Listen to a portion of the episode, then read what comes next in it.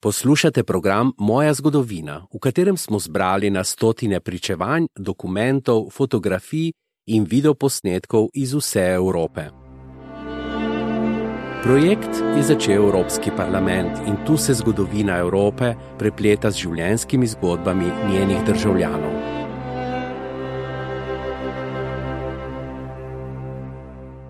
Chciałam opowiedzieć historię rodziców mojej mamy, historię moich dziadków, których życie było trudne i skomplikowane. Povedala bi vam rada zgodbo o svojih starih starših po mamini strani. Njuno življenje je bilo polno preizkušenj. Predvsem zato, ker je bil moj dedek Poljak, babica pa Nemka. Mm, dziadek był Polakiem, a babcia była Niemką. To je zgodba o Renatinih starih starših.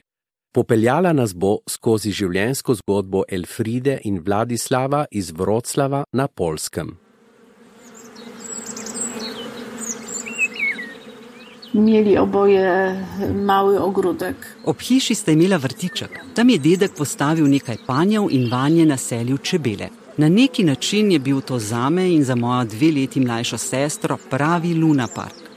Tam sva preživeli najbolj srečne trenutke svojega otroštva. Dwa lata po mnie. Renata se rada spominja svojih starih staršev. Čas, ki ga je preživela z njima, je bil prežet z ljubeznijo in radostjo, a življenje jima je prineslo tudi veliko bolečine in trpljenja.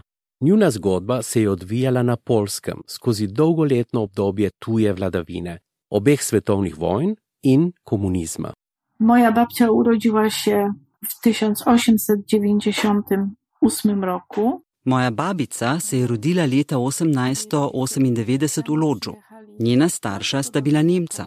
Na Poljsko sta prišla, ko sta bila še zelo mlada, kmalo po poroki. Takrat je bila Poljska še vedno pod tujo oblastjo.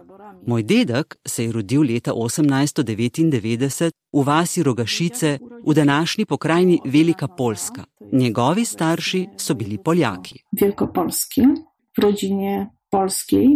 Renatina stara starša sta se spoznala, ko je po Evropi pustošila prva svetovna vojna. Mój dziadek, kiedy skończył lat 18, Dedek je bil star 18 let, ko so ga med Prvo svetovno vojno upoklicali v prusko vojsko. Poslali so ga na zahodno fronto v Francijo, nekam med Verdun in Mec. Na srečo se mu ni bilo treba bojevati, ker je bilo vojne konec, še preden so prispeli na bojišče. Čete pa so se začele vračati proti Poljski. Po prvi svetovni vojni je Poljska ponovno postala neodvisna. Kmalu po vrnitvi z fronte se je dedek pridružil veliko poljski ustaji. Še predtem pa je spoznal mojo babico, ki je živela v vasi, kjer je bila nastanjena njegova enota. Pravzaprav so vojaki, ki so se vračali z fronte, zasegli babičino hišo. ci wracający żołnierze zaanektowali ich dom. Ko sta se spoznala, sta si začela dopisovati, najverjetneje v nemščini, saj Renatina babica ni govorila polsko. Njune besede so bile polne topline in ljubezen se je poglabljala. Kmalu sta se poročila. Pobrali się na początku lat 20.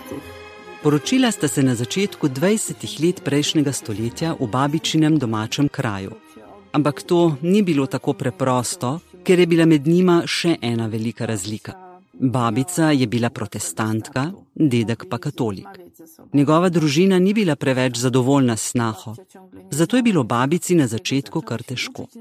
Z družino se je težko sporazumevala, še vedno ni znala polsko. Jezika se je začela učiti šele, ko sta se preselila v Biedrusko, kjer je bila nastanjena polska vojska in je dedek služil kot pešak. Ko se je babica vendarle začela učiti polščine, ni imela niti knjig, niti učitelja. Kraj, kjer so se urili vojaki, pač ni kraj, kjer bi se učili jezikov. Ani takie czasy, ani takie miejsce. To był po prostu poligon wojskowy. Zgodnje obdobje njune zakonske zveze je bilo verjetno najsrečnejše. Rodila ste se jim dva otroka, sin Valdemar in hči, Renatina mama. Preselili so se v Torun, kjer so živeli razmeroma mirno in udobno, družinsko življenje pa je kmalo pretresel izbruh druge svetovne vojne. Kot polski vojak je bil Renatin dedek napoten v boj proti nemški vojski, ki je udirala na Polsko. Njegova žena pa ni imela druge izbire, kot da se z otroki preseli v Varšavo.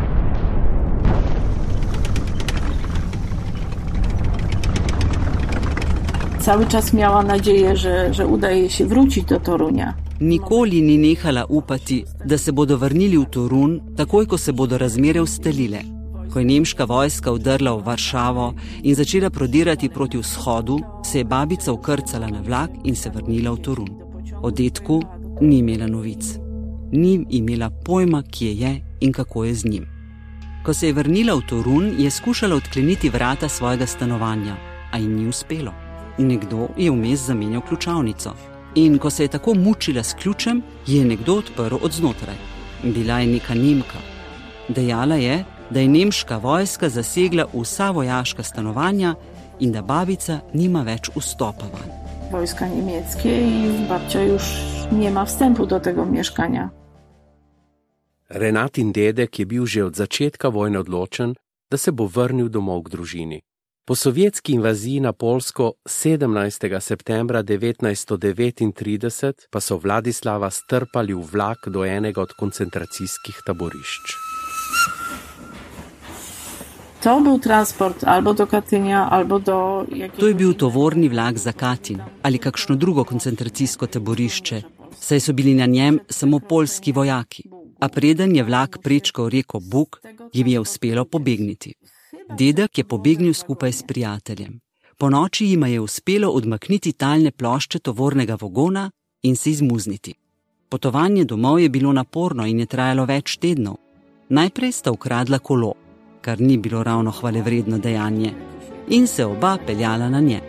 Potovala sta samo po noči, po kolovozih, brez zemljevida in napotkov. Izogibati sta se morala vojaškim patruljam, ki jih je kar mrgolelo. Hrano sta iskala, kakor sta vedela in znala, spala pa sta na prostem. Gotovo jima ni bilo lahko, vendar sta bila tega že vajena, predvsem pa sta bila pogumna in iznajdljiva.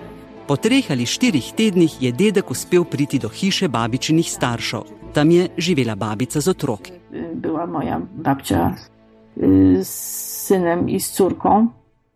Ponovno združena družina pa se je morala kmalu spet ločiti. W którymś momencie władze niemieckie zorientowały się, że dziadek jest y, Polakiem. I w- Nemške oblasti so ugotovile, da je moj dedek Poljak in da je delovno sposoben. Zato so ga poslali v Koblenc na prisilno delo.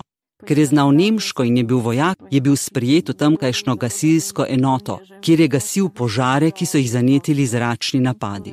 Ko se je druga svetovna vojna bližala koncu, se je končno vrnil domov. Już z końcem II wojny światowej.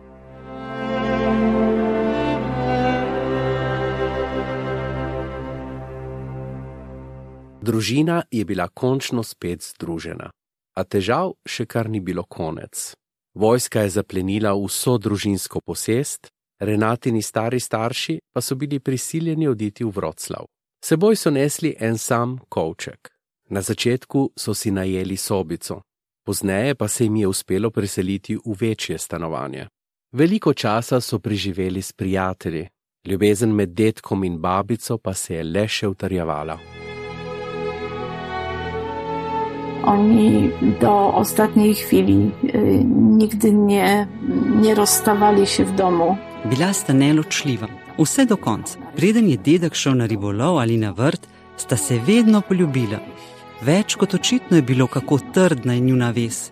Zame sta bila zgled srečnega, ljubečega zakonskega para. Takiego kochającego się, bardzo dobrego małżeństwa. Tutaj nie sposób ominąć e, sprawy ich e, religijności. Ne moremo pa mimo vere. Mislim, da sta bila oba verna, čeprav jima je še pred koncem druge svetovne vojne umrl prvorojeni sin, brat moje mame, ko je bil star komaj 18 let. Mojej mamy brat miał 18 lat. Oni byli takimi cudownymi, kochającymi. Bila sta tako neverjetna, tako ljubeča in nikoli se nista nehala čuditi življenju. Pa ne, ker bi bila naivna, ampak ker sta bila topla in srčna.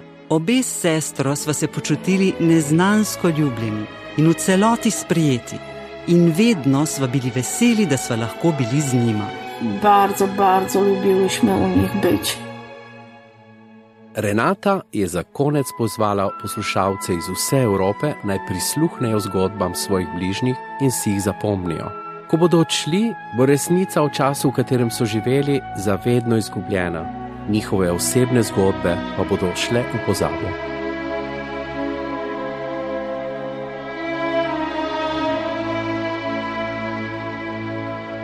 Poslušali ste program Moja zgodovina. Evropski parlament je ta projekt pripravil v sodelovanju z državljani iz vse Evrope. Če vas zanima več o podcastih, ki jih pripravlja Evropski parlament, vas vabimo, da nas poslušate na Europarl Audio ali pa obiščite portal My House of European History.